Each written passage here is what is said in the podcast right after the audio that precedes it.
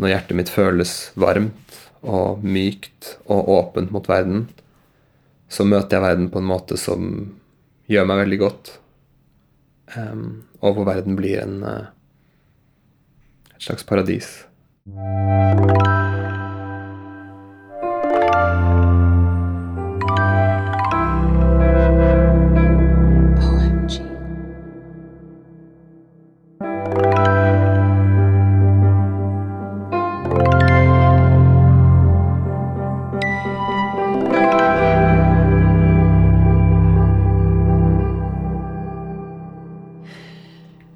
Kom det sig att vi fick för oss att samtala med Magnus Støre?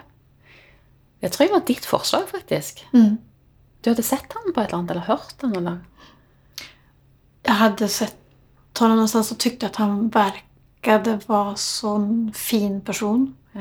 Men också att han berättade om eh, att hans liv förändrades av en psykedelisk upplevelse Ja. tidigt i livet. Och vi hade ju en psykedelisk präst i första säsongen. Mm. Och eftersom jag jobbar med en dokumentär om präster som intar psykedelika ihop så är ju det här fältet um, intressant för mig. Mm.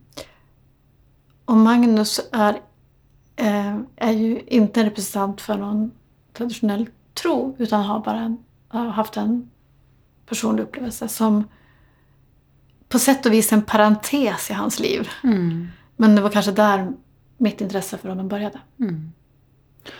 Og så er det jo interessant, som han sier sjøl, og lite grann eh, Vi snakker jo nesten ikke noe om det, men han er jo sønn til den som er nåværende statsminister i Norge. Em, og, eh, og også til em, en person som har utdannet seg som prest de siste årene. Så det er jo et spennende skjæringspunkt eh, å møte en person som står i det spennet. Sant? Verkligen. Och det får mig faktiskt att tänka på Dag Hammarskjöld som Ja. en av mina hjältar. Han var son till en statsminister och en mamma som inte då var präst, för det här var, han är född 1905 tror jag. Men um, en mamma som var djupt religiös. Ja. Och vad som skedde med hans liv um, när han kommer från den typen av bakgrund. Och Magnus kommer ju också då, är också en väldigt spännande kombinasjon av to interessante foreldre. Mm. Og det som han sier også, at når du har vokst opp i, i det som ytre sett kan se ut som det aller, aller beste utgangspunktet, så kan det jo kanskje føre til en enda sterkere lengsel etter noe, fordi at du kjenner jo inni deg sjøl kanskje at ikke det er sånn. Nei, precis. At det er mindre tid å jobbe seg opp til noen form av tilstand der man kan... Alltså, Lämna hans det. väg är kortare till att se att det är någonting som saknas. Ja. Mm. Han behöver inte kämpa för att bli rik eller Mm. få en posisjon. Mm. For å sen oppdage at det ikke var svaret. Ikke sant?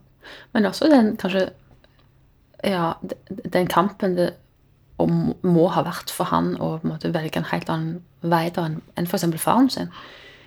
Da skal du på en måte Da skal du enten vite veldig hva du gjør, eller ha en veldig sterk indre drivkraft eller lengsel for å gjøre det.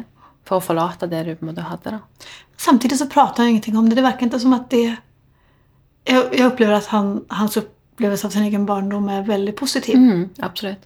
Og at det som har skjedd på hans åndelige resa er mer et resultat av at han har haft et behov av å gå inn og se djupare på saker.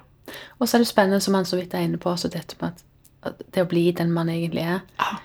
I hvilken grad det er sånn at vi kommer Alle kommer hit med en spesiell oppgave. Ja, det er utrolig spennende. Og hva slags oppgave han har da i, i det norske samfunnet. egentlig. Verkligen. Och det är intressant, det tycker jag... Jag tyckte att man... Jag tyckte att i mötet med Magnus så såg man att han var rätt man på rätt plats. Att han har viktiga uppgifter att göra. For det går jo an å si at vi akkurat nå, når vi lever akkurat nå, så så begynner jo folk å få en annen innstilling til hva det vil si å være et menneske. Och som är jättenödvändigt med tanke på klimatet og mm. alle andre typer av konflikter som pågår. Mm. Og som han snakker om sjøl altså. Så, så der kanskje noen hadde tenkt at eh, men jeg må utdanne meg og bli um, diplomat. Ja. Så, så velger han noe helt annet. Fordi nettopp han er statsministersønn, kanskje. Ja. At han, han er ikke ikke interessert i dette, men han har bare tatt en helt annen retning. Ja, en helt annen riktning. Det er veldig spennende. Men det här är ju, har ju inte att göra med Magnus, men Kristina. Känner du att du är på rätt väg från till att vara den du egentligen är? Jeg kjenner jo i hvert fall at jeg gjør mye av det jeg har lyst til. Ja. Og det tenker jeg jo kanskje er et tegn på at jeg er på rett sted. Det skulle Bettina säga. Från episod två. Skal vi bare høre på Magnus, da? Låt oss. Yes.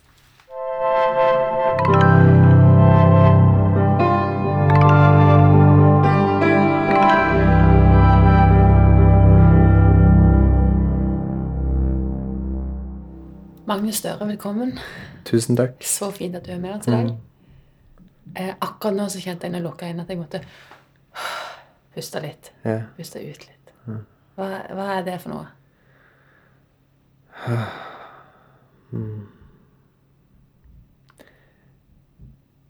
Jeg føler at den uh, energien som vi slipper på fra kroppen når vi puster ut, er en slags sånn overskuddsenergi som vi går og holder på fordi vi føler at eh, vi trenger ekstra energi fordi vi er i en eller annen stressende situasjon. Så vi må være litt på alerten. Vi fyller opp kroppen med energi.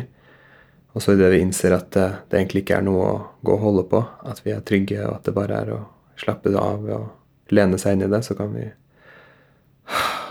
puste ut med et sånn godt sukk, som jo er et deilig utpust. Og grunnen til at jeg begynner der, er at jeg vet at du er veldig opptatt av pust. Mm. Kan du si litt om det aller først? Ja, jeg har jo vært opptatt av mennesker først og fremst i veldig mange år. Um, så lenge jeg kan huske. Studert psykologi på et universitet i Oslo.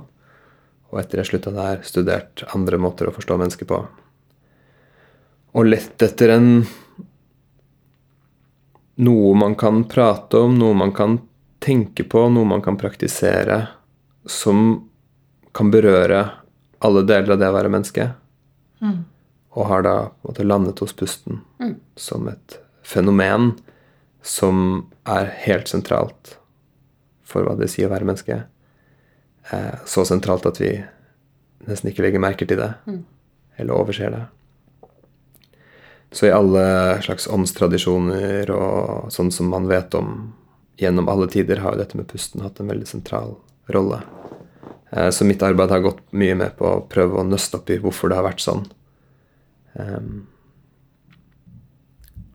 Mm. Når du sier at du alltid har vært intresserad av det menneskelige, mm. når begynte det da? Hvordan var det da du var liten? Det er et godt spørsmål. Jeg husker bare at når jeg var liten, så var jeg et barn. Jeg tror jeg var et veldig sånn glad, glad barn, og der var jeg alltid var, det jeg alltid var trukket mot, var liksom natur. Være i natur. Alle mulighetene jeg fikk, var liksom dra ut i skogen, være ute alene. Så fort jeg kunne slutte på fotball, slutta jeg der og begynte å henge i skogen med noen andre gutter fra nabolaget som også likte å være i skogen. Bygge hytter og bare være helt liksom i det frie og levende. Og så, så fort jeg ble voksen og skulle prøve å tenke på noen karriere, eller noe sånt, så var det liksom ok, det må handle om mennesker. Jeg er oppvokst i et hjem med en eh, far som er utdannet innenfor politikk, og en mor som er utdannet innenfor sosiologi. Så det har alltid vært mye snakk om mennesker og menneskelige relasjoner. Så jeg føler også jeg har fått med en porsjon derfra. Men ganske fort for meg så handlet det ikke så mye om det altså det relasjonelle, men først og fremst det individuelle. Hva vil det si å være et menneske? Mm. Og hva er det for noe? Hva er et menneske? Og hva er den menneskelige tilstanden? Jeg tror deler av det også hang sammen med opplevelser jeg hadde fra mitt eget liv av ting som var vanskelig for meg. da. Og følelsen at den løsningen på det her må ligge inni meg et eller annet sted. Det er et eller annet som skurer litt, som, som det må gå an å finne ut av. Ja, hva da, for eksempel? Det kommet, det har vært forskjellige faser. Jeg tror eh, I begynnelsen så var det bare sånn dyp nysgjerrighet på liksom, hva, er, hva er potensialet her. Eh, og så etter hvert har det vært andre typer faser. Jeg har hatt perioder i livet mitt hvor jeg har vært um, veldig satt ut av spill av mitt eget emosjonsliv. Um, så mye at hele livet gikk litt uh, i stå. Jeg reiste aldri til noen psykolog, så jeg har ikke fått noen diagnose, men jeg er sikker på at hvis jeg hadde gjort det, så hadde jeg både fått diagnoser og medisiner for det. Mm. Um, men så har det vært en slags overbevisning hele tiden om at det her er ikke et Det her er ikke bare et sånn ubeleilig problem som dukker opp midt i livet mitt som en sånn hindring jeg bare må få bort så jeg kan komme meg tilbake til som det var før. Det er en mulighet til å vokse og forstå meg selv på en annen måte. Og det at det dukker opp, må også være et kjennetegn på at jeg på en eller annen måte lever livet mitt og bruker systemet mitt på en måte som det ikke er helt fornøyd med. Så, så veldig bra. Tror du at du fikk den opplevelsen hemifrån eller at den lå i deg selv? Altså at motgångar også var en ja, precis, en sätt å tenke på at at det også er mulighet til utvikling? Det tror jeg er noe som vokste spontant mm. innifra. Som også har vært bare sånn et slags bakteppe for hele mitt voksne liv. Mm. Og kanskje mitt barnlige liv. Jeg vet ikke hvordan det, hvordan det, var det. Da følte jeg meg så uskyldig og fri, på en mm. måte. Eh, jeg husker godt som barn at jeg av meg selv veldig ofte hadde sånn følelse av at verden ikke var det som den ga seg til uttrykk for å være. Og sånn som jeg tenkte om det som barn, var at jeg var helt overbevist om at på et eller annet tidspunkt så kom det til å komme noen voksne og si sånn Ha-ha, vi lurte deg. Det er egentlig ikke det her som er greia. Er bare, alle er bare skuespillere, og alt du ser, er bare vært liksom en setup for å lure deg. Truman Show. Ja, sant? Så kom jo den filmen, og det var jo helt spasa for meg. Og så i mer i voksen alder så har jeg jo skjønt mer de liksom dypere implikasjonene av det at eh, det er både sant og ikke sant. Det er ikke noen, Jeg tenker ikke at det er noen som prøver å lure meg, men det verden gir seg til uttrykk for å være, er veldig stor grad et produkt av hva jeg tror om den. Mm. Hvilke antakelser jeg har om den. Og for meg så var det mye det som uh, brakte den her smerten og de vonde følelsene. da. Mm. Gå rundt og tro at verden er et eller annet uh, dødt, tragisk sted i et stort, tomt univers hvor ikke har ingenting av mening, og alt blir bare mer og mer kaotisk. Eh, og så etter hvert begynne å nøste opp i det her. Nøste opp i antakelsene sine og nøste opp i emosjonene sine og prøve å komme til en mer kall det objektiv forståelse av hva det er jeg er en del av. Et spørsmål vi ofte begynner med, er jo sånn mm. Hva er din bakgrunn? Din mm. spirituelle bakgrunn? Mm. Hva hadde du med deg? på en måte? Mm. Ja, da, da igjen vil jeg vende tilbake til bare enormt mye eksponering for fri natur. Mm. Jeg tror ikke jeg var et sånn spesielt åndelig barn Um, jeg var veldig glad i lek og moro. Og bortsett fra det her at jeg alltid følte at det liksom Det her er ikke, det her er ikke sannheten. Um, så hadde jeg en uh, veldig trygg og fin oppvekst med veldig mye fri natur. Mm. Så så fort jeg ble voksen og begynte å støte på problemer også, så var det liksom det første stedet jeg søkte, var liksom ute i skogen, ute i naturen. Og den her perioden hvor jeg eh, slet mye med emosjonelle problemer og energinivåene mine og meningen med livet og alt det her, så var det det eneste stedet jeg kunne dra, var i naturen. Da bodde jeg på Bislett i Oslo.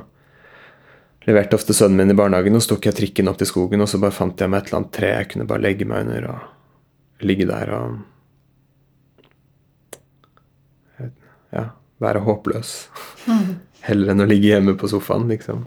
Altså, grunnen til at jeg spør, er jo også at Anne og meg har vokst opp med som en fortelling om virkeligheten. Mm. Mm. Det fins en gud. Mm. Sånn og sånn. Mm. Men hvordan var det for deg?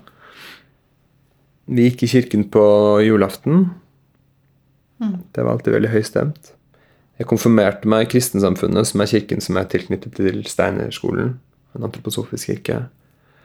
Og hadde en veldig sånn, sterk opplevelse av det fordi at det var så stort fokus på samholdet vi var på leirskoler og sånn, og da opplevde jeg noe sånn utrolig vakkert av det å være sammen med mennesker borte fra byen, på et lite sted, dager i strekk, hvor man bare liksom sang og lekte og holdt på med øvelser. og Det var så ekstremt nærende for meg.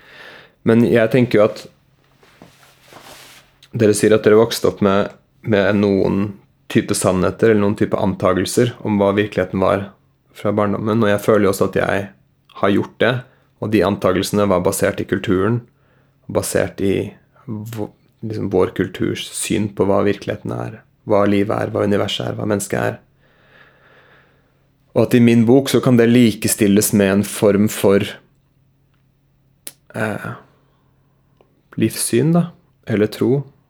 Det er en epistemologi, det er en, en antakelse om hva verden er. Og fra den antakelsen får vi også vår funksjon og vår plass i livet. Og det er jo antakelser om universet som blir gjort, som etterlater mennesket i en posisjon til å bare på en eller annen måte klare å overleve fra dag til dag og eh, skape så mye nytelse og makt som man klarer. Eh, så Før, det var jo før det tar slutt. og- før det tar slutt, og du dør, og det ikke er noe mer, på en måte. Så det var en veldig hul eh, virkelighet for meg å leve i, og en virkelighet som ikke funka for meg, som jeg ble veldig stressa av og deppa av.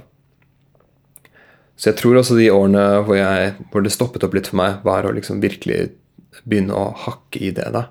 Og, og, behandle det. Og veldig fort se at det kan ikke stemme for meg. Det overensstemmer ikke med min opplevelse av hva dette er for noe. Men hva skal ta dets plass? Eh, og heller da enn å søke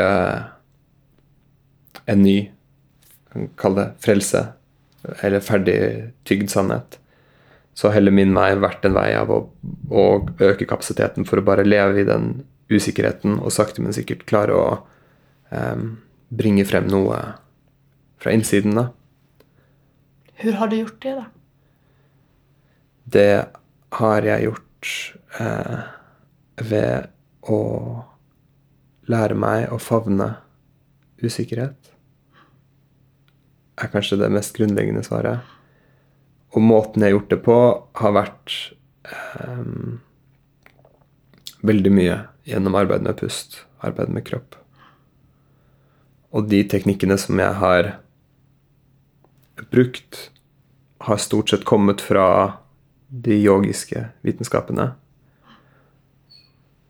Og fra deler av yogaen og tantraen og de her indiske livsvitenskapene som var skapt ikke for å gi folk svar, men for å gi folk verktøy hvor de kan finne sine egne svar.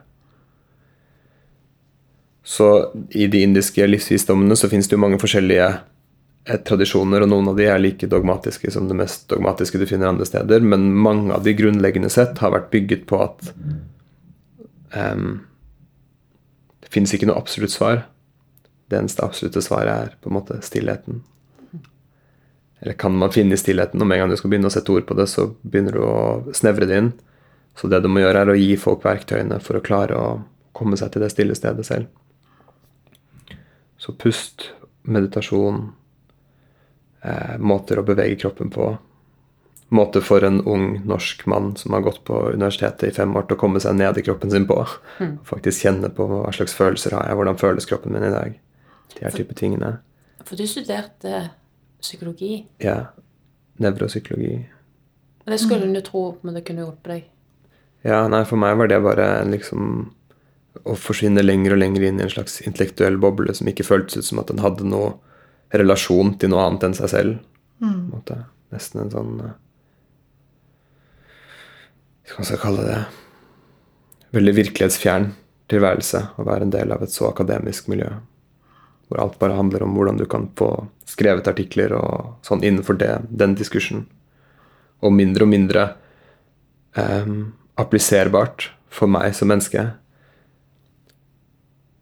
Så jeg var nok en veldig flink student og eh, gjorde det godt på skolen og tror at jeg hadde hatt anlegg for å kunne eh, kommet veldig langt i den akademiske karrieren.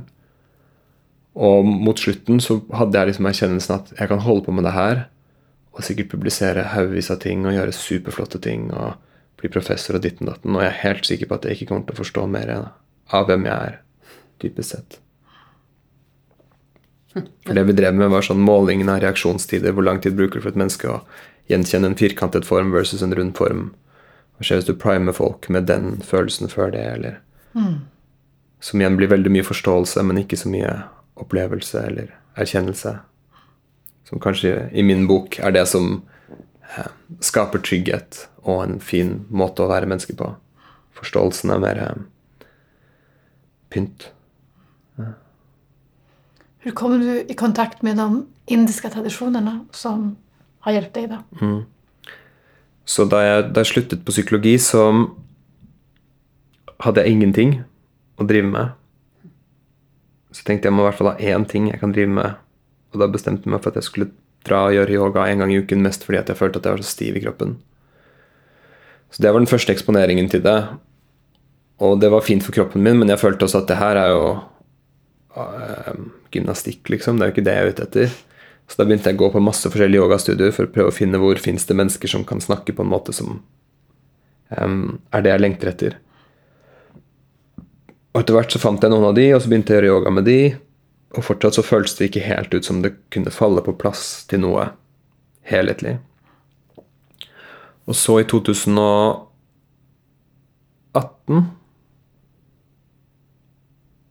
eh, Eller 2017, nå ble jeg usikker. Så møtte jeg en indisk dame eh, som bor i Indonesia. Som er en slags yogamester. Em, og da jeg møtte henne og hørte henne prate, så har det bare følelsen av at du har Du har noe som jeg trenger.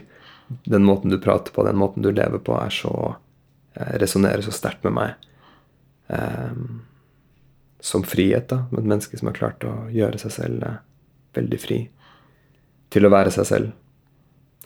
Uh, med alle begrensningene det er å være et menneske. Så under hennes kan du si, veiledning og, og undervisning så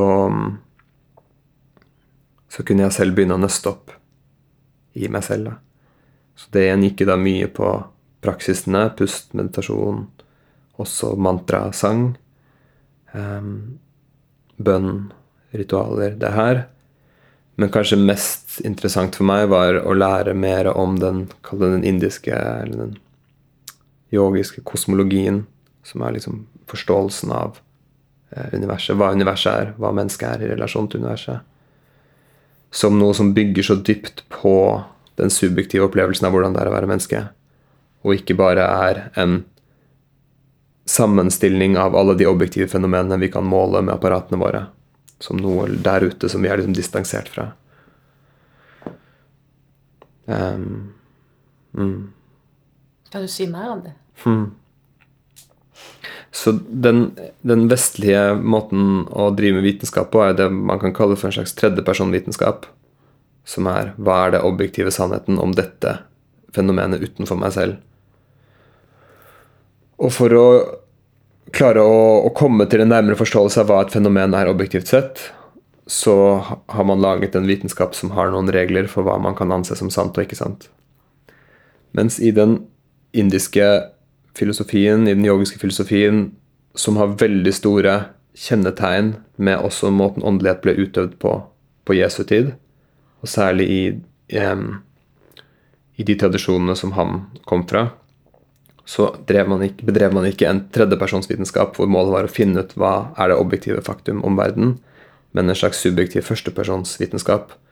Hva er min opplevelse av meg selv, og hvem er jeg? Og i lyset av hvem jeg er, hva blir verden i relasjon til det? Så det er på en måte å snu det litt på hodet, da. Og den type vitenskapen har andre krav for hva man kan kalle sant, enn den objektive. Men i min verden så er det en anerkjennelse at til syvende og sist så ser vi alltid verden fra oss selv. Vi kommer ikke utenom oss selv. Så hvis ikke vi kan bygge vår objektive forståelse på verden på hvem vi selv er, og hva slags linse vi ser gjennom når vi ser gjennom vårt eget system, så er det dømt til å bli masse regnefeil. Da. Eh, Og jeg tenker at veldig mye av de problemene vi ser i verden i dag, enten det er klimakrise eller mental helsekrise eller krig eller ditten datten, tyder på en menneskehet som ikke skjønner at de må forstå seg selv før de kan prøve å løse verden. Hvorfor ser du stikkene i din broders öga og ikke bjelken i ditt eget? Nettopp. Nettopp. Vi har jo eh, kalt denne podkasten OMG, eh, om og med mennesker med åndelige opplevelser. Hvor, måtte, hvor kommer du inn i akkurat det? Ånd, en åndelig opplevelse, hva er det? Mm.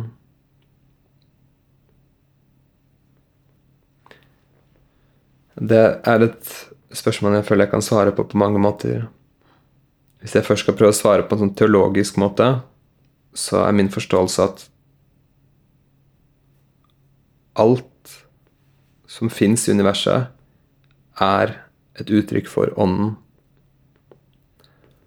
Og universets karakter er at det er alltid bevegelse. Det er alltid forandring. Og det har en milliard uttrykksformer. Eller det har uendelige uttrykksformer.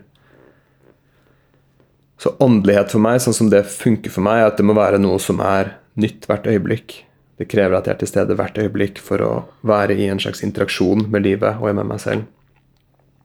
Så alle former for åndelighet som prøver å låse fast sannheten og si at dette er sannheten, og sånn vil det alltid være, blir veldig problematisk, for da er det på en måte som å ta ånden ut av åndeligheten. For meg så trenger åndeligheten å være som en sånn eh, veldig ustabil flytebrygge som jeg hele tiden står på og prøver å finne balansen i livet mitt. Og at jeg opplever veldig dyp mening i det, som et slags sånn balansekunst av det å være menneske. Jeg har ikke noe problem med at folk eh, trenger noe annet. Men for meg er f.eks. dette konseptet med en trosbekjennelse veldig problematisk. Fordi jeg vet ikke om jeg tror på det om et sekund. Ikke sant? Det ville vært lettere med en slags tvilsbekjennelse for meg, som et uttrykk for min tro og min åndelighet. Um, og så til dette med liksom åndelige opplevelser. For meg så hadde jeg, da jeg var 19 år, så hadde jeg en veldig sterk opplevelse der hvor jeg mer eller mindre ufrivillig spiste eh, sopp, magic mushrooms. Ufrivillig. Jeg visste ikke Jeg var på, en, på vei på en hyttetur, og så var det en kompis som hadde vært i Amsterdam og spist det, og kjøpte med hjem.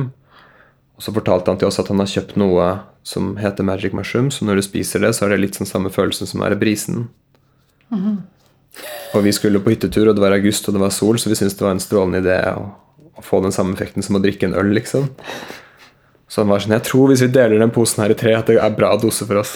Og så var det selvfølgelig veldig, veldig sterkt og veldig mye, og veldig eh, skjebnesvangert. Så det var kanskje min første sånn store åndelige opplevelse av nettopp å ha en subjektiv, veldig sterk opplevelse av at jeg er en del av noe levende i bevegelse, og som er intelligent, og som ikke begrenser seg til bare meg her og nå, men på en måte er en del av hele skapelsesverket. For de som ikke har eh, testat skillnaden mellan magic mushrooms och vara lite brisen.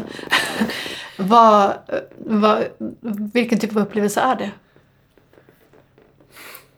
Det så kan man snakke om i mange timer, men min, min følelse var at jeg har hele livet mitt sett verden gjennom en linse som er, som jeg snakket om i stad, alle antagelsene jeg har om verden. Og mange av de antagelsene har jeg bare fått fra foreldre eller samfunn eller kultur eller skole. eller sånn. Dette er det som det er, det er det det er, det er det det er.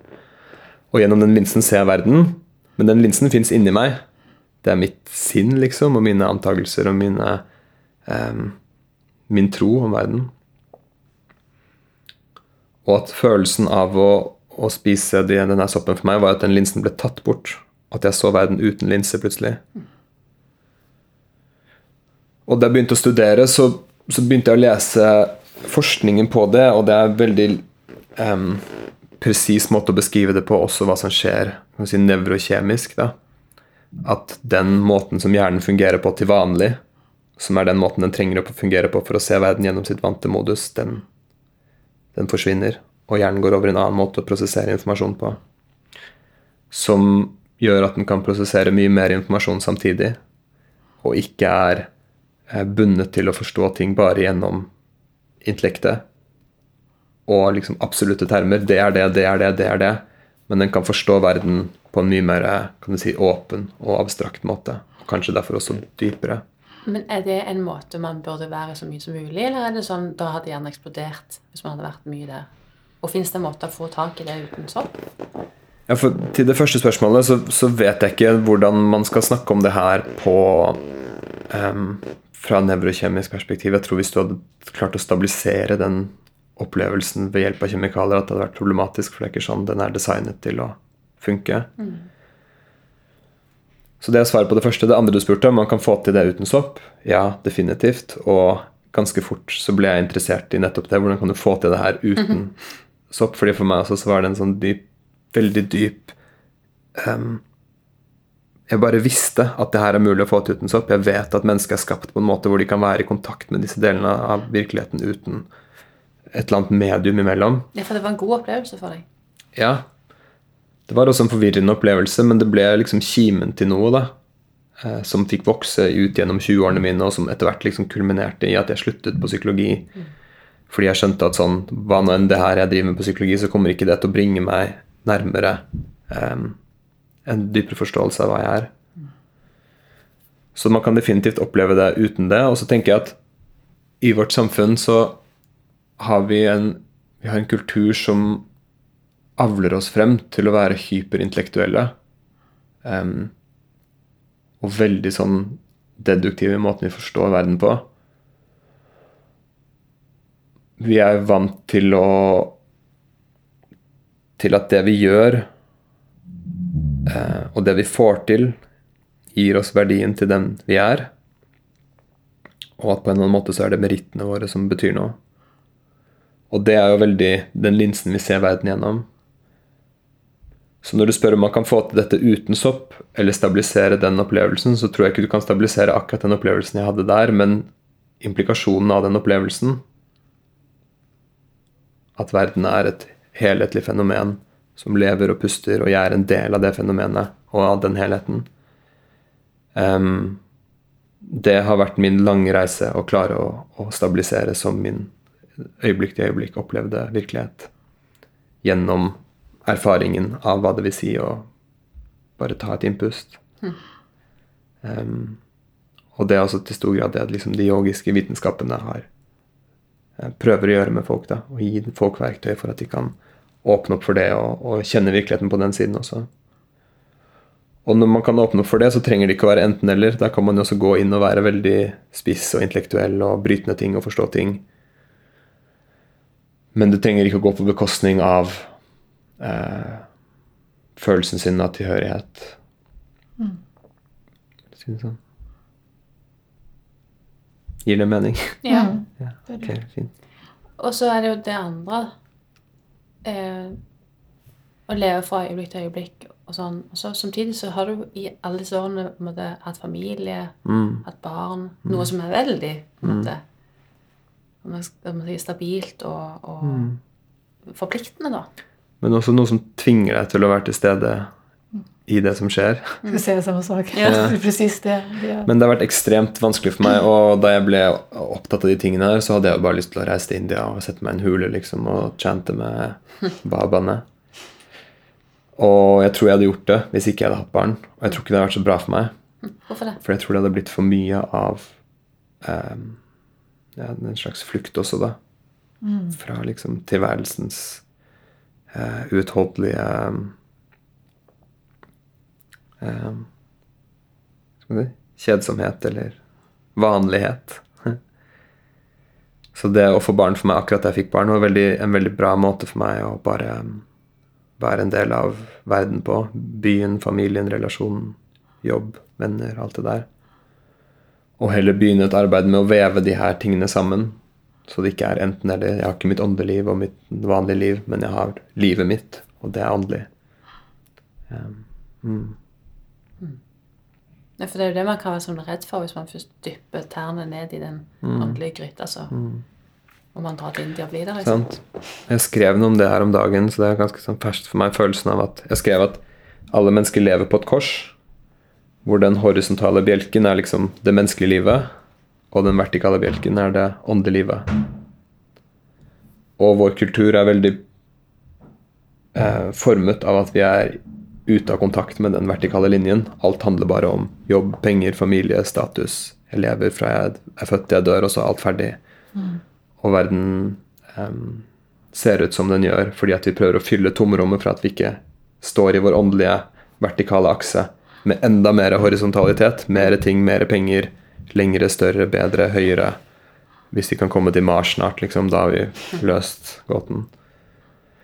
Men så er jo også erfaringen min nå som jeg ser også nå jobber jeg jo med mye mennesker. har klienter som eh, er i de samme utfordringene at når du vekker den vertikale linjen, når du vekker det åndelige livet, så er det veldig fristende å gå helt inn i det. Mm. Og kjøpe seg en hytte langt inn i skauen og bare sitte der og holde på med tingene sine. Og da faller du også litt ut av det jeg ser på som litt sånn forpliktelsene våre av å være her, da, å være en del av et menneskeliv. Mm.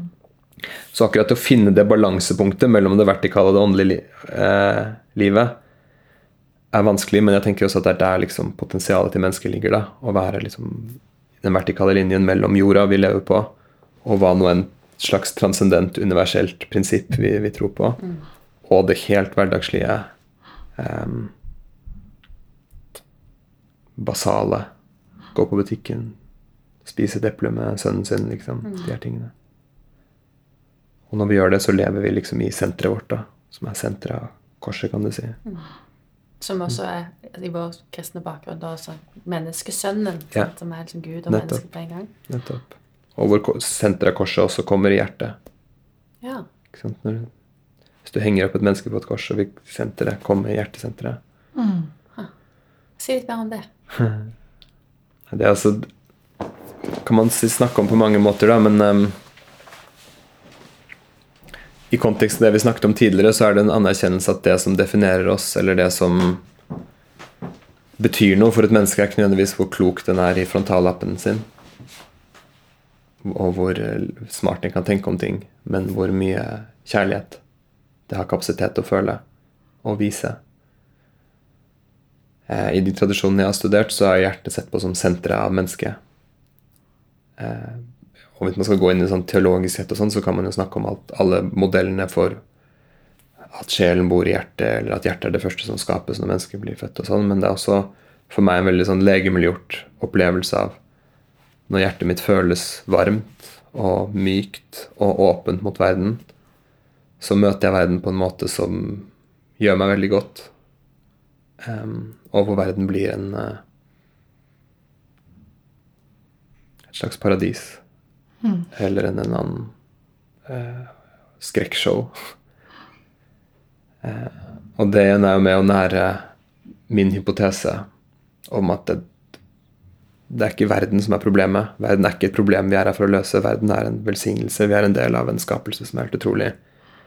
Vår oppgave er å finne ut av hvordan vi selv kan finne vår plass i verden og vår um, fit med verden som en puslespillbrikke. Og det krever at vi åpner oss opp for hele deler av oss selv. Der hvor kanskje denne åndelige siden av oss selv er den som mest ofte får stå ut i mørket, og ikke får lov til å være med inn som en del av det å være menneske. Vi prata jo litt innan vi, vi banankaken mm. før vi kom hit. Og da så nevnte du at du kommer fra en familj der du har blivit sett sedd bekreftet mm. og elsket. Og det gjør også jeg och kanske också du. Och, men det tycks ju som att det kan vara svårt att hitta den vägen till kontakt med hjärtat om man kommer från en bakgrund som är väldigt smärtsam. Har du du har både studerat psykologi och jobbar med människor i terapeutiskt syfte. Hur kan man, vad, vad kan man göra där?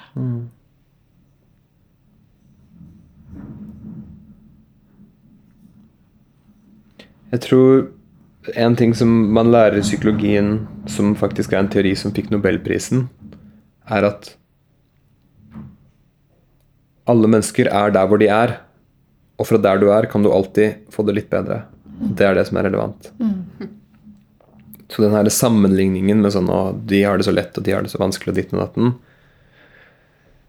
det er ikke så eh, funksjonelt for noe. Fordi skapverket er sånn at alle mennesker er laget veldig unike.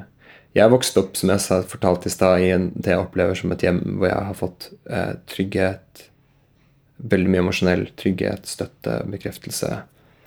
Jeg vokste opp i et av de liksom, rikeste nabolagene i et av de rikeste landene i hele verden.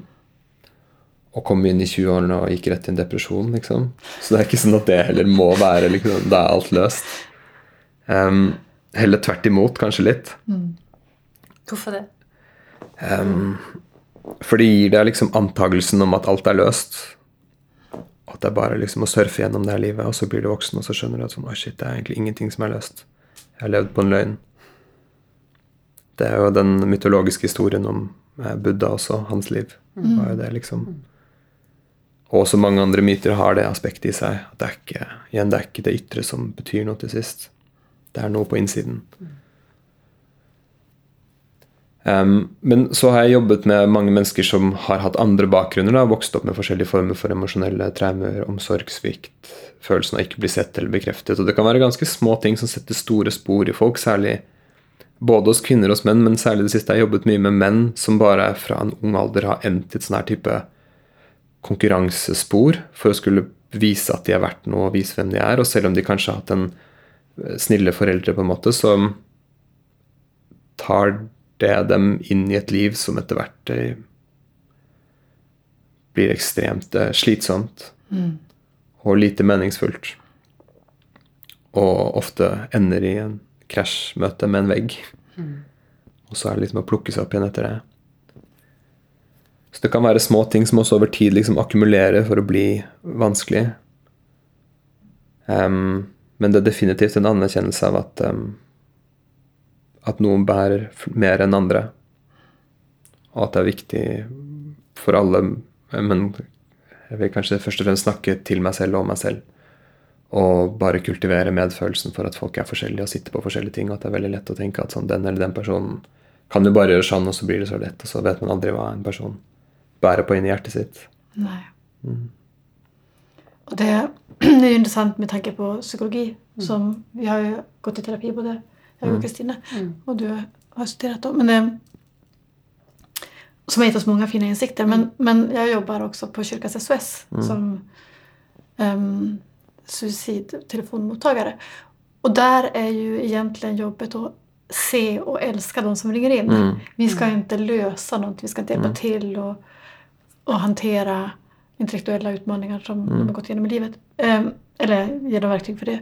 Och det är flera som säger hur otroligt viktigt det är för dem att kunna ringa in till kyrkans SOS. De pratar med olika personer varje gång men de ringer in för att de faktiskt upplever att den omtanken de får är helande. Eh, kanske mer än terapin i vissa fall. Så på så sätt så är det kanske det vi först och främst kan ge varandra en, är väl gåvan att se varandra. Ja. Men det krever at man er til stede for å se den andre personen. Så det er også et tankekors i for liksom um, Skal man si den um, statlige tilnærmingen til mental helse og, og sånn at de det er vanskelig å hjelpe noen på ekte hvis ikke man også kan sette av tid til å sitte med noen og, og se dem. Jeg kjenner jo mange mennesker som jobber i eh, helsetjenesten, som sier at de har ikke tid til å sitte med folk eller se dem. Det er, en, det er noe annet som står høyere på tapetet, og det er liksom dosering av medisiner. Og, og ikke at det ikke er viktig, men jeg, jeg føler også det er et tankekors. Eh, hvor viktig det er for mennesker å, ja, å bli eh, opplevd av noen andre og føle at de er- blir sett. Å bli opplevd. Mm. Fint. Jeg tenker også på det du sa med, eh, med menn og hjerte. Mm. Um, for litt sånn eh, Klisjeen eller karikaturen er jo at det, det er kvinner som er emosjonelle og sånn, og kan føle ting. Men, men eh, at menn også har behov da, for å leve nær, nær hjertet. At det er kanskje litt lengre vei for en mann i vår kultur å gjøre det. Jeg opplever at vår kultur ikke har noe sånn ikke sant? Vi har jo ikke noen, noen gode forbilder for hva det vil si å være mann. Eh, og de siste årene så har det vært litt sånn åpent felt, egentlig. Sånn, vi vet ikke helt hva det vil si å være mann lenger. Så jeg tenkte du skulle svare, svare på det nå. Ja, sant. Eh, men jeg hadde faktisk en opplevelse av det her i går, for jeg var en del av en, av en sammenheng hvor det ble snakk om både Ukraina eh, og Iran. Og også i Etiopia nå så er det noen greier som foregår som er helt forferdelige. Mm. så hadde jeg plutselig sånn veldig sånn dyp følelse sånn Og alle tre stedene så er det liksom håndfull med menn da som har bestemt seg for å lage Gjøre, gjøre det sånn som det er nå. Og følte på en eller annen måte som veldig sånn dypt ansvar da, som mann, til bare sånn å finne ut av en annen måte å være mann på, som kan um, gi en annen måte å ja, være menneske på. Og at Iran så nå er det veldig fokus på kvinnene i Iran, og så er det fokus på de mennene som blir sendt i krig i Ukraina, men bak begge delene så er det liksom menn som, som står der. Jeg føler også det er et tankekors. Um, og du er også pappa til två sønner. ja, Mm. Og jeg er mamma til två sønner. ja, Så det er jo en ganske Jeg kjenner også på det i, i kroppen ja, sant. eh, i hverdagen. Hvordan skal man gjøre for å hjelpe Ja. sønnene å finne en plass? Ja, både finne en plass, men også liksom først finne seg selv. da. Hva vil, hva vil det si? Så mye av mitt arbeid de siste årene har handlet om å prøve å finne ut av hva vil være naturlige eh, altså riter for at folk kan finne seg selv. Før i tiden, i hvert fall i mye tradisjonelle samfunn som jeg har vært opptatt av, som har levd tettere på naturen, så har det jo vært så viktig for stammens overlevelse at du har overgangsriter som gjør at når folk, f.eks. når gutter blir voksne, så går de gjennom en slags initiering for å legge av seg noe av den barnligheten og komme inn i en liksom mer moden uttrykk av hva det vil si å være et voksent menneske. Og at jeg hadde den opplevelsen for et par år siden etter en lang prosess hvor jeg hadde jobbet gjennom masse forskjellige ting hvor jeg følte at sånn, oi, nå er det egentlig først nå jeg føler at jeg blir voksen, eller at jeg er moden nok til å ta vare på meg selv. Og jeg klarer å liksom favne mine egne emosjonelle ting uten å spy det rundt overalt og, og på en eller annen måte stå i meg selv. Og at når jeg ser ut i verden og ser enten Putin eller Trump eller de her folka, så har jeg sånn følelsen av sånn Det der er et voksent menneske, men den som snakker, er åtte år, liksom. Em, og så mye mye av de eh, ritene som har blitt brukt tradisjonelt, har jo vært eh, i ensomhetens navn. Og i naturen, liksom. Være i naturen alene over lang tid. Eh, og på en måte face seg selv, da. Som har jo ført til at jeg gjennom det året her har holdt på med forskjellige konstellasjoner. Um, arbeid ute i naturen med mennesker hvor de har blitt satt i naturen uten for mye instruksjoner. Og å være alene. Og vi sitter jo i et rom nå med veldig mye flotte eh, bilder av mannen fra Nasaret. Mm. han var jo også en person som på en eller annen måte åpenbart var et fantastisk menneske, men trengte 40 dager alene i Ja. før han var klar til å bidra med noe. Og som også regelbundet gikk ut Ja. i tystnad. Sant. Men også i kontekst av hjertet, da, så er det det. I hvert fall min assosiasjon til Jesus eller Kristus eller er jo veldig sånn sterk hjerteenergi. Jeg tiltrekkes ikke av hvor smart han var, på en måte. Men når du da sier Du har jobba deg gjennom ting, og så snakker du om pust. Og så sier du at du har ikke gått i tradisjonell terapi. Så hvordan har det helt sånn praktisk sett ut? Ja, det har vært noen forskjellige elementer. Jeg har gått til mange forskjellige terapeuter. Fordi at jeg er så smart, som jeg ikke nødvendigvis tar som et, en, en positiv ting. Det kan også være veldig slitsomt.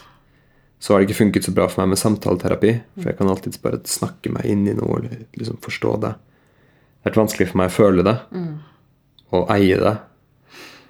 Så veldig mye av de terapiene jeg har gått til, har vært liksom terapier som har vært egentlig basert på kropp. Sammenhenger mellom kropp og følelser og non-verbal terapi. Bodywork. Flinke mennesker som kan jobbe med det. Og Da er det jo alltid samtaler som en del av det, men så der hvor faktisk arbeidet blir gjort, er i en slags ja, dyp tilstand av å være i kroppen og kjenne på ting og flytte på ting, og så endelig forstå um, hvorfor ting er som de er. Så det har, vært, det har vært et aspekt av det. Et annet aspekt av det har vært em, community. Å ha mennesker som jeg kan være sammen med, som er i litt lignende situasjoner. Og hvor man kan sitte og snakke sammen og dele sammen og, og igjen bli opplevd av noen andre. I ens egen sårbarhet og tilblivelsesprosess. Og jeg har jo nå som jeg jobber med klienter, så er det veldig mange klienter som kommer til meg som er i veldig dypt transformerende prosesser av åndelig karakter, som ikke har noen å snakke med. Eh, og det er veldig vanskelig. Det er akkurat som at det går ikke hvis ikke man, hvis ikke man kan forankre seg i en gruppe med mennesker som um, som kan dele opplevelsene. Og som kanskje ikke vil gi deg en diagnose eller fikse det. Eller, men Eller gi deg et svar heller for den Ja, delen. de vil bare lytte til deg da, og ja, bevitne deg mens du er frustrert selv. Og så er, er det jo ting som går igjen, selvfølgelig, i alles prosesser. Så mye av styrken i det her, delingssirklene, er jo, som vi snakket om litt innledningsvis her Jeg husker ikke om det var før eller etter vi skrudde opp mikrofonene, men at det er noe med at alle sitter på opplevelsen, og så snakker man sammen. Hvordan kan vi snakke om disse opplevelsene? Hvordan kan vi forstå de? Hvordan kan vi støtte hverandre i det? Heller enn å gå rett på snakkingen uten opplevelsen. For det blir veldig fort dogmatisk. Sånn er det, sånn burde man være, sånn burde man tenke, sånn burde man føle. eller jeg har ikke den opplevelsen nå. Ja. Er, er det noe feil med meg? Ja, sant. sant. Så de årene hvor det var veldig vanskelig for meg, så bodde vi som sagt i en leilighet på Bislett i Oslo med, som hadde stor stue, og da hadde vi en gang i uka åpent hus hvor folk kunne komme. Så sang vi litt, og så hadde vi en delingssirkel. Eh, Og det var rett og slett bare for vår egen del at vi trengte at mennesker kom innom en gang i uka for å, Så å hjelpe oss, og alt annet i uka spant rundt den ene, de timene liksom hvor vi kunne være sammen og prate. Og,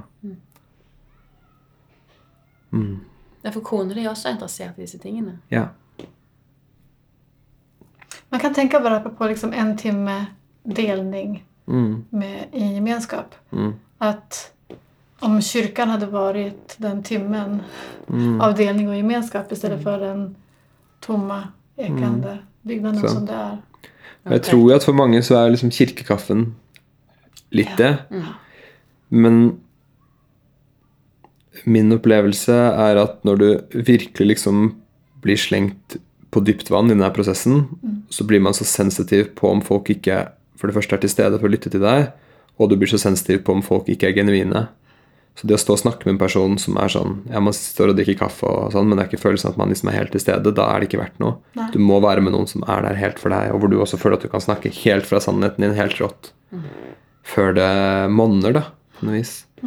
Fordi litt av grunnen til at man kom i uføre in the first place, er at man har kompensert så mye på det man føler opp Ja. igjennom. Så når man endelig kan begynne å snakke om det, så er det sånn Nå trenger jeg å snakke om det akkurat som det er.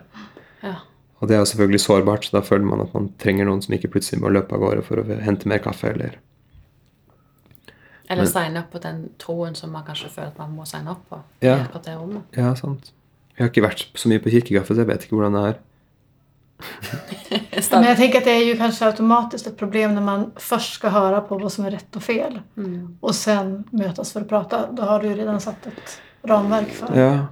Og så Igjen, hvis svaret blir Hvis svaret er teksten, ikke sant? Hvis svaret er det som er oppå alteret der borte, så kan det være så fremmedgjørende. Fordi Greit nok at, at det er noe opphøyet, men her er jeg, liksom. Og hva skjer med meg? Hva skjer med det som er inni meg? Og der fins det jo kristne tradisjoner som jeg har vært mer opptatt av, de mystiske tradisjonene. Som jo behandler det her som et internt fenomen. Um, så det finnes jo alle steder. Men jeg vil tro at opp gjennom tiden har det vært mer forbeholdt liksom klosterliv og, og ting som har vært litt unna samfunnet, og det skal det kanskje være.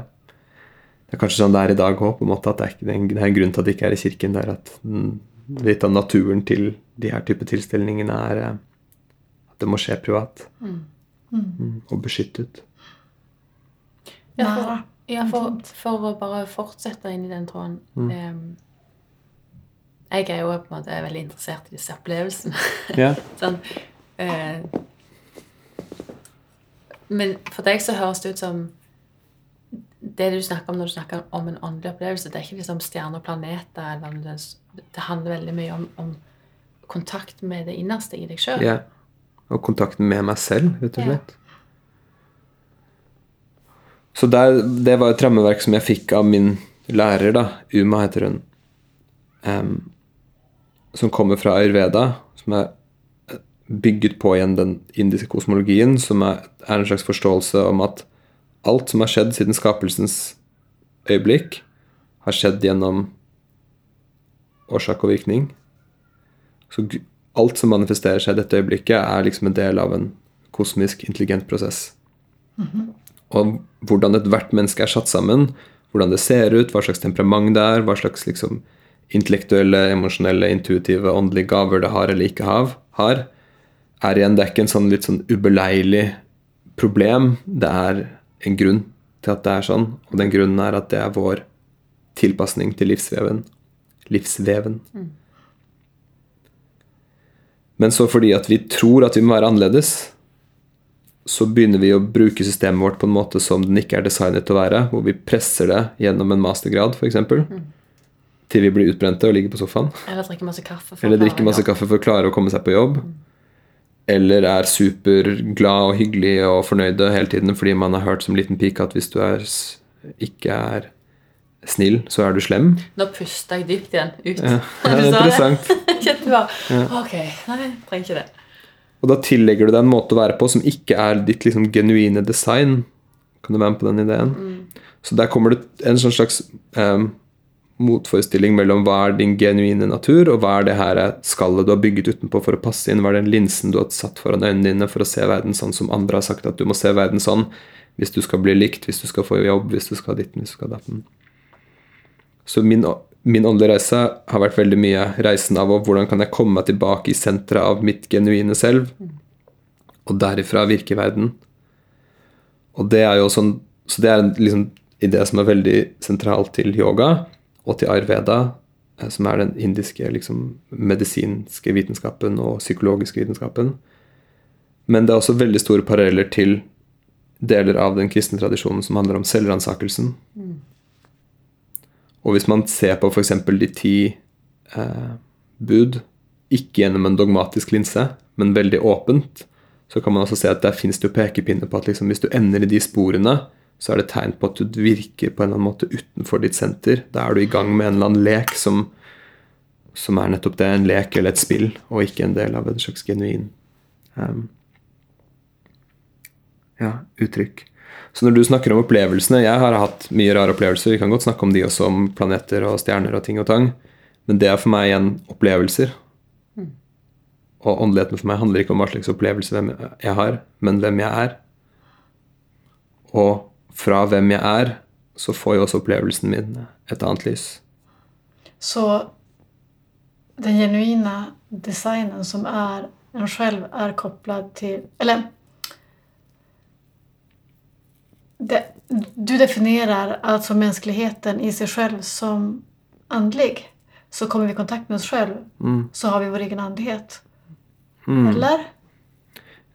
Ikke nødvendigvis. Jeg, jeg, tror at alle mennesker Altså menneskedyret er designet for å være åndelig. Mm.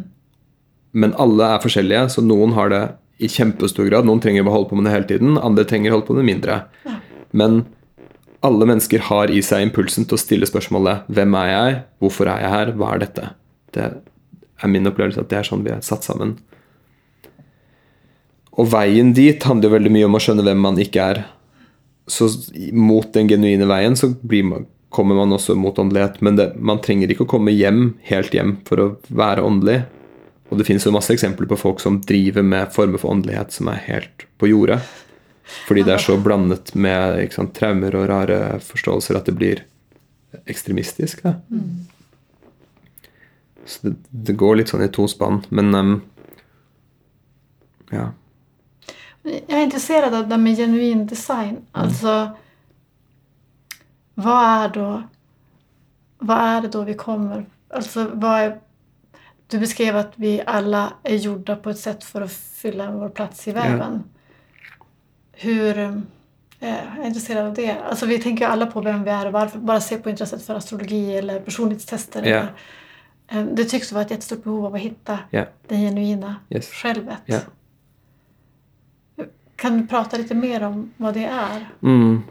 Så dette er, dette er, et konsept som kommer ut av særlig fra ayurveda, mm. som er den indiske helsesystemet. Men sånn som det her har vært tradisjonelt, så har ikke det her vært et isolert system det har vært ett stort system for hvordan du skal være menneske.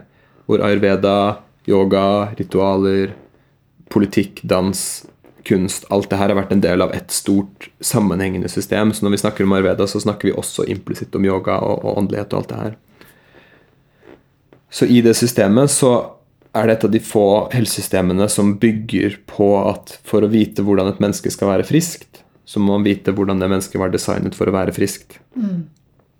Så før du i det hele tatt kan gi en diagnose og en behandling for noe, så må du skjønne hvordan skal dette mennesket egentlig se ut når det er friskt. Mm.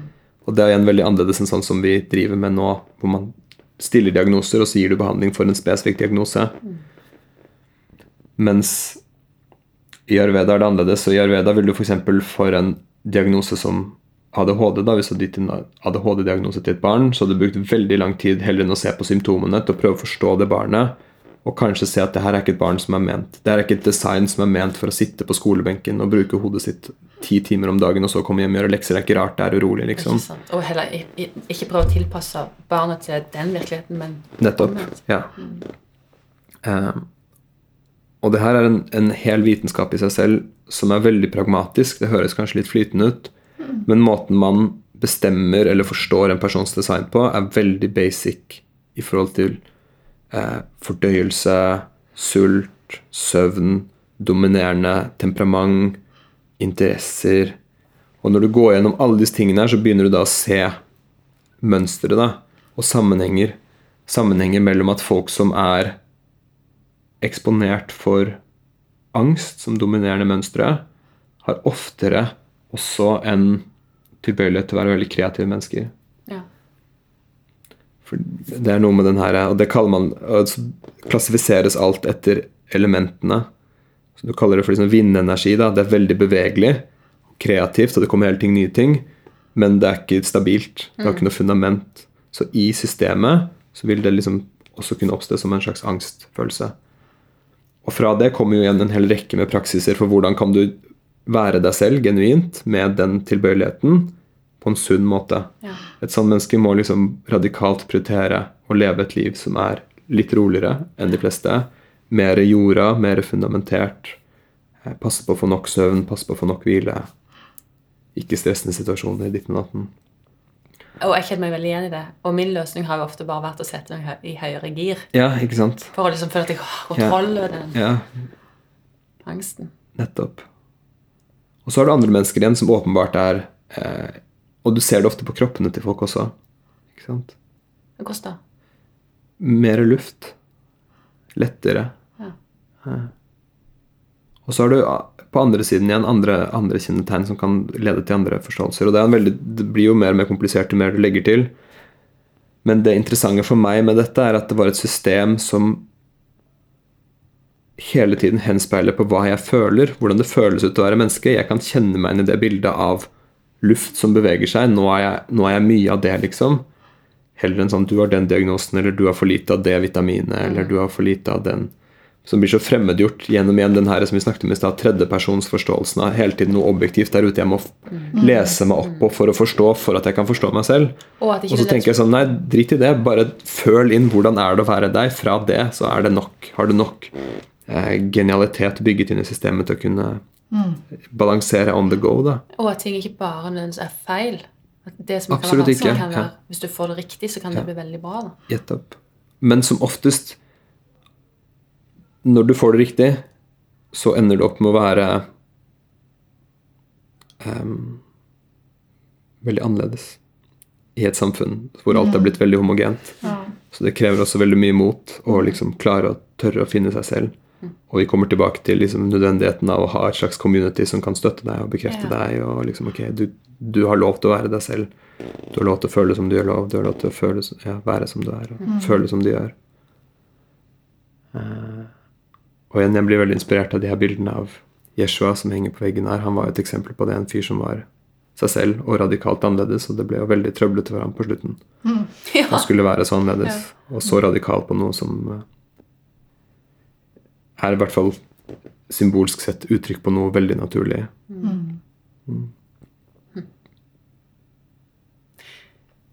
Jeg har snakket litt grann i et tidligere episode. Det ligger mange episoder ute, alle må få holde med seg. Det men, men eh, dette med når en sånn veldig rar følelse av at eh, når jeg begynte å leve mer sånn som det, så var det akkurat som at den ytre virkeligheten altså begynte å flytte på seg. Mm. Og det er jo kanskje fra, på en måte, Det er jo mange som kan henge med på at liksom, det er viktig å ha det sunt psykisk inni seg, men at du også da opplever sånn som meg fra min gamle bakgrunn som pinsevenn, at jeg trodde på tegn og under og sammentreff som ikke var tilfeldige, at det òg dukket opp igjen Ja. for meg. Sant? Er, er det noe du kan henge med på? Mm. Virkelig. Den eh, vediske kosmologien sier jo at den objektive verden ikke er noe objektivt. Den skapes jo av, av oss selv. Den skapes av bevissthet. Bevissthet er universets grunnfjell. I den vestlige, eller den moderne forståelsen så tenker vi at bevissthet er noe som skapes inn i hjernen, og at materie er det absolutte. At hvis du skrur av bevisstheten, så er alt likt, på en måte. Ja, ikke sant? Men det er også interessant, for de har jo prøvd å lete etter materie i 400 år nå. De finner jo ikke materien. Hver gang de går nærmere, så ender du bare opp med tomhet og masse kvantefysiske paradokser som er helt umulig å, å prøve å forstå seg på. Mens det eneste som selvbeviselig er til stede hele tiden, er jo bevisstheten vår.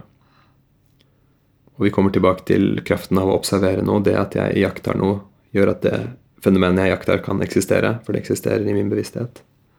Og kvantefysiske eksperiment viser at idet du observerer noe, så blir det annerledes. Ja, ellers så, så, så, så, eksisterer det ting, og eksisterer bare som potensial frem til du observerer det.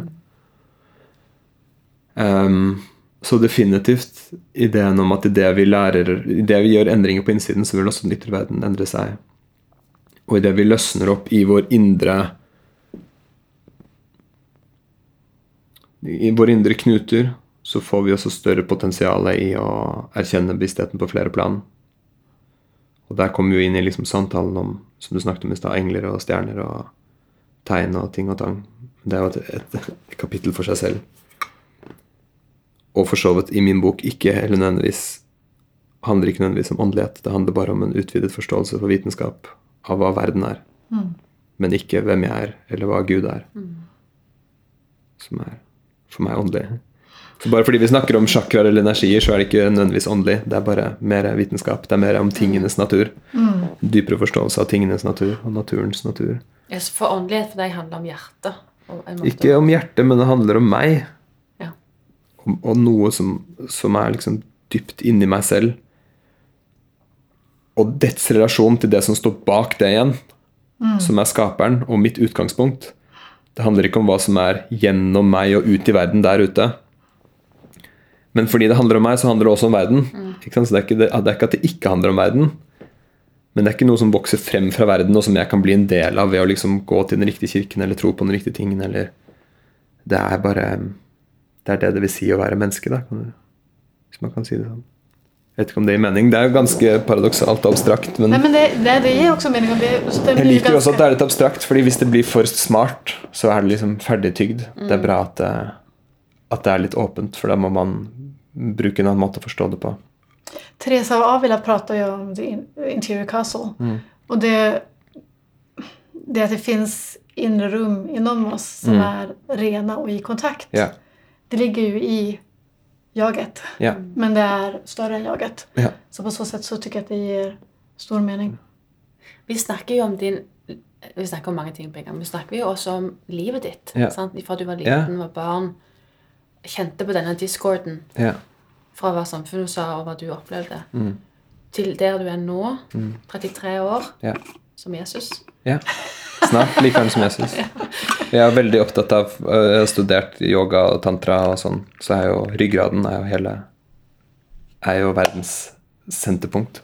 Og ryggraden har også 33 virvler. Er det sant? Så jeg er sånn her, nå kommer jeg til å liksom ha levd gjennom alle virvlene mine. Ja, og hva skjer da, tror du? Det er et godt spørsmål. Jeg har jo gått på Steinerskolen og vært veldig opptatt av Rudolf Steiners eh, skrifter i voksen alder. Jeg brydde meg ikke om det da jeg gikk på skolen der. Men han skriver også om det. Um, 33 år som en sånn slags eh, completion av det første delen av livet. Og muligheten til å bli voksen, da. Det er det han skriver om. Egentlig modenhet. Men han igjen knytter det veldig dypt til sånn hans forståelse av eh, esoterisk vitenskap, da. Med sy visse sykluser i livet du går igjennom. Men ja, nå forsvant vi inn i noe annet. Nei, det, nei fordi det, det jeg egentlig spør jo sånn Vi har jo snakket med eh, Vi har snakket med en fyr, med en fyr, fyr. Kan man kalle det Martin Lønneboe for en fyr? Ja. Så på 92, sant? Ja, Som får se sant. tilbake på sitt liv Ja. og har disse Ja, er erkjennelsene. Super, men du står på en måte i Jeg føler Ja, ikke sant. Du står et helt annet sted. Ja. Og Hvor er det på en måte Ja, det er et godt spørsmål. Jeg har jo mange folk som kommer i terapi til meg, som er eldre mennesker. Jeg har mennesker som kommer til meg som er over 80 år, liksom. Og det føler jeg er veldig ydmykende, fordi de kommer til meg for å få hjelp. Men samtidig så føler jeg at jeg er bare en Jeg har så vidt starta. Ikke sant?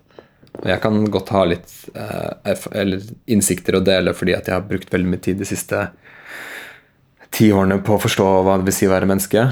Men jeg har også sånn følelse at jeg så vidt er i gang med noe.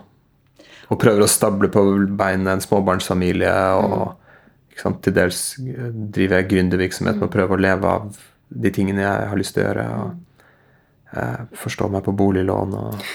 ja, integrere Men, jeg, men, jeg, Men- jeg mister aldri lenger følelsen av mening eller tilhørighet.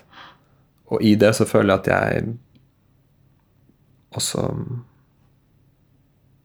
Jeg vet ikke hvordan jeg skal si det uten at det høres rart ut, men jeg føler meg veldig fri da, til at enn som kommer, er en del av en hellig nødvendighet. Og dets natur er liksom utelukkende å være en velsignelse, og ikke et eller annet sånn skittent spill som jeg er en offer for, et offer for.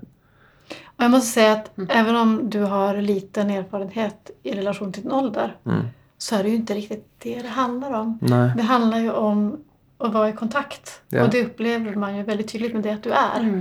Sant, å være seg selv. da. Jeg prøver jo veldig godt å være meg selv. Jeg føler at det å være meg selv gjør at jeg um, er i kontakt med noe som noen mennesker er interessert i å, lytte til. og sånn. Også på andre punkter så er jeg helt håpløs.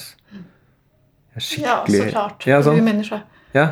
Men Så det er også noe med den der å, Vet ikke om folk lytter til det, og det her og tenker sånn ja, det er smart, og tenk på han, og han er sånn, og han er sånn. Som vi snakket om i stad, den, den der sammenligningen er ikke så funksjonell for noe, fordi folk er så forskjellige, og folk har så forskjellige gaver, og de gavene de har, er et uttrykk for hva de skal ha kommet for å gjøre. Og no, noen av problemene Og vi trenger alle. ikke sant? Fordi Ja. Hvis alle hadde vært som meg, hadde det vært helt håpløst her. Hvem skulle da gjort en toalett? Ja, sant? Nei, men, eh, på så sett kan man vel si at jeg syns att det virker som at du har veldig mye kontakt i, med så å si, din genuine design. Ja. Att du er på den veien som du er satt for å være på. ja. Det føler jeg òg. Mm. Og så føler jeg at jeg har et avklart forhold med liksom eksistensens dypeste hull, fordi jeg har vært nedi der og rota rundt Mm. så lenge at jeg bare måtte lære meg å leve der. Den stora gåvan som att Og at det det. føler jeg at er en, en slags kraft å forvalte i vår tid der hvor vi gjør alt vi kan for å ikke se ned i det hullet. Og så skjønner vi ikke at vi allerede er på bunnen av det. Så det her er noe jeg kaller for å, å gjøre um, Å gjøre helvete komfortabelt.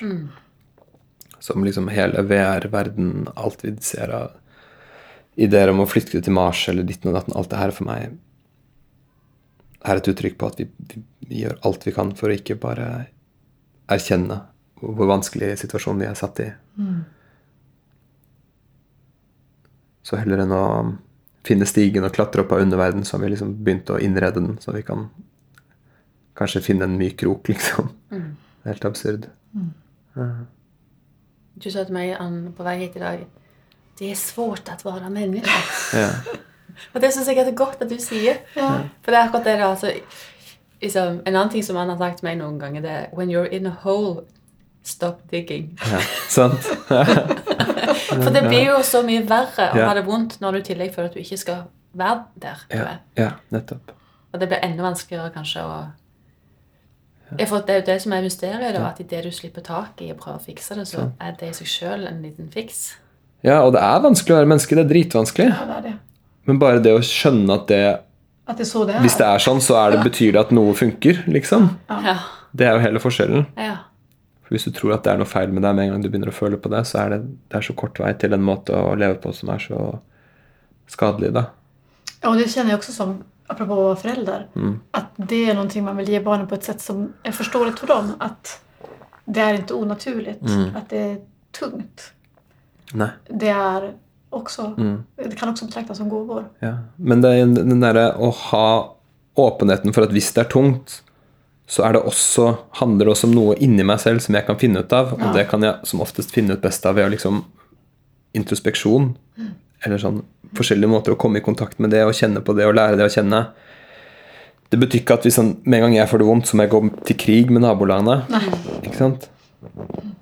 Og igjen, jeg er opptatt av tradisjonelle samfunn og stammer og, og kulturer hvor det er levende. Der har du alltid hatt løsninger for det. da. Når folk har fått det vanskelig, så fins det riter, det fins mennesker, det fins sjamaner, det fins elders du kan gå til for å sitte ved for å høre at sånn, det er meningen når du er 30 og småbarnsfar, at du skal føle deg At du virkelig liksom eh, strekkes, da. Det er en måte å, å bringe potensialet ditt ut i verden på, liksom. Og ikke trekk deg. Ikke stikk av. Nei, sant? Og ikke, ikke døyv det med rus, og ikke liksom Hvis du trenger noe, så har du alltid muligheten til å gå på fjellet og sitte der i tre dager. Heller enn å skille deg, på en måte. Du må trekke deg bort. Du må ikke fjerne det som du tror er vanskelig. Nei. Og ikke en at det må være enten-heller, men jeg føler vi er så um, prisgitt at vi ikke har den muligheten som en sånn go to i vår kulturelle forståelse av det, hvordan vi skal løse livene våre individuelt og kollektivt, at det også handler om noe inni oss som vi kanskje best kan finne ut av ved å slutte å gjøre ting heller enn å gjøre mer ting. Eller å trekke oss litt unna annet enn å, heller enn å stupe dypere inn i det. Dette høres jo veldig lett ut når man snakker om det. Mm. Men du har jo forsket på altså, igjen det med pusten og yogaen og Mm. eh, Jeg er jo veldig glad i sånne praktiske ting. Sånn. Mm. Hvordan gjør du det rent praktisk? Og, hvor- Det er mye ting man kan si om det, men det jeg føler meg veldig inspirert av etter det året her, er som, som alle kan gjøre. Kom deg ut ja. i Guds frie natur. Alene. Sett deg ned.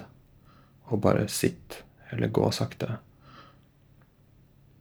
Det er en, en vidundermedisin for så mye. Det tror jeg. Jeg leste faktisk at personer som spenderer de två, to grupper med djupt deprimerade personer en ena gruppen fikk som oppgift å gå fem timer per dag utomhus Ja. i naturen Og den andre gruppen fikk bare medisinering. medicinering. Og den gruppen som spenderte fem timer per dag i naturen ble jo veldig mye friskere. Ja. veldig mye snabbere. Ja, Jeg tror. Så om man nu har behov av å få vetenskapliga bevis Ja, för att belägga sina... ja, ja. Men det her henger også sammen med arvedisk eh, tankegang, at alt vi tar inn i kroppen vår, blir til den vi er. Så der fins et begrep som sier du blir hva du spiser, men du blir også det du hører, du blir Ja, også ja. det du ser, du blir også det du lukter, du blir også det du føler. Og kroppene våre er designet til å ta inn naturen som byggeblokker til den vi er.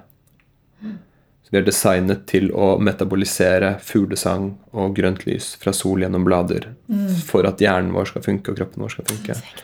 Så når vi bor i en by hvor alle vinklene er firkantede, og det er bare betong og asfalt og neonlys, holdt jeg på å si, så gir vi ikke kroppen den næringen den trenger. da. Vi Det er er å si. Og jeg har hatt så mange sterke opplevelser av jeg har hatt med grupper mennesker ut i naturen på det her.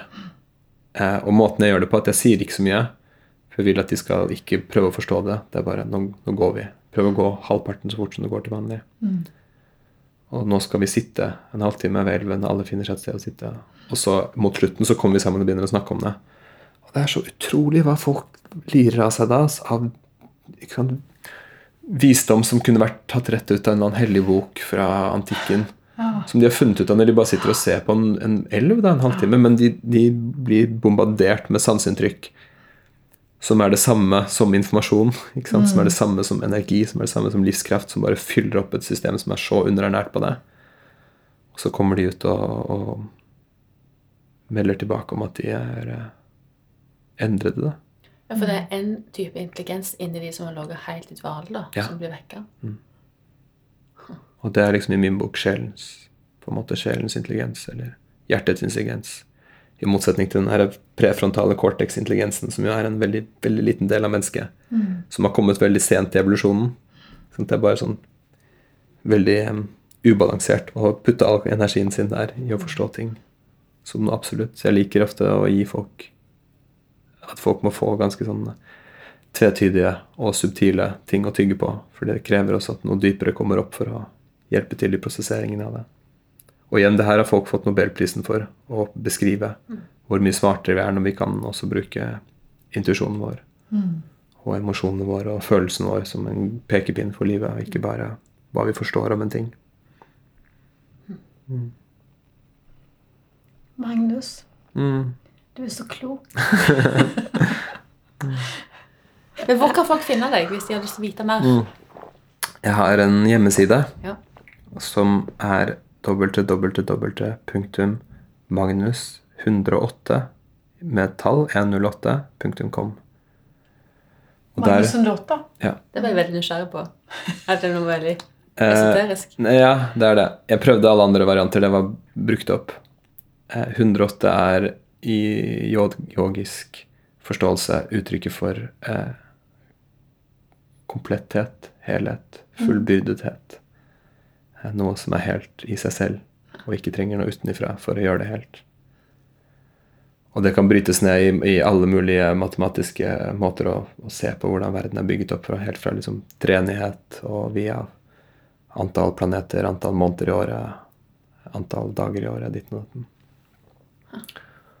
Um, Så det var et tall som, som kom til meg da. Ja. Så fins jeg også på Instagram og Facebook med link til det jeg er på nettsida mi. På nettsida mi så ligger altså informasjon da til alle kurs og events og retreats.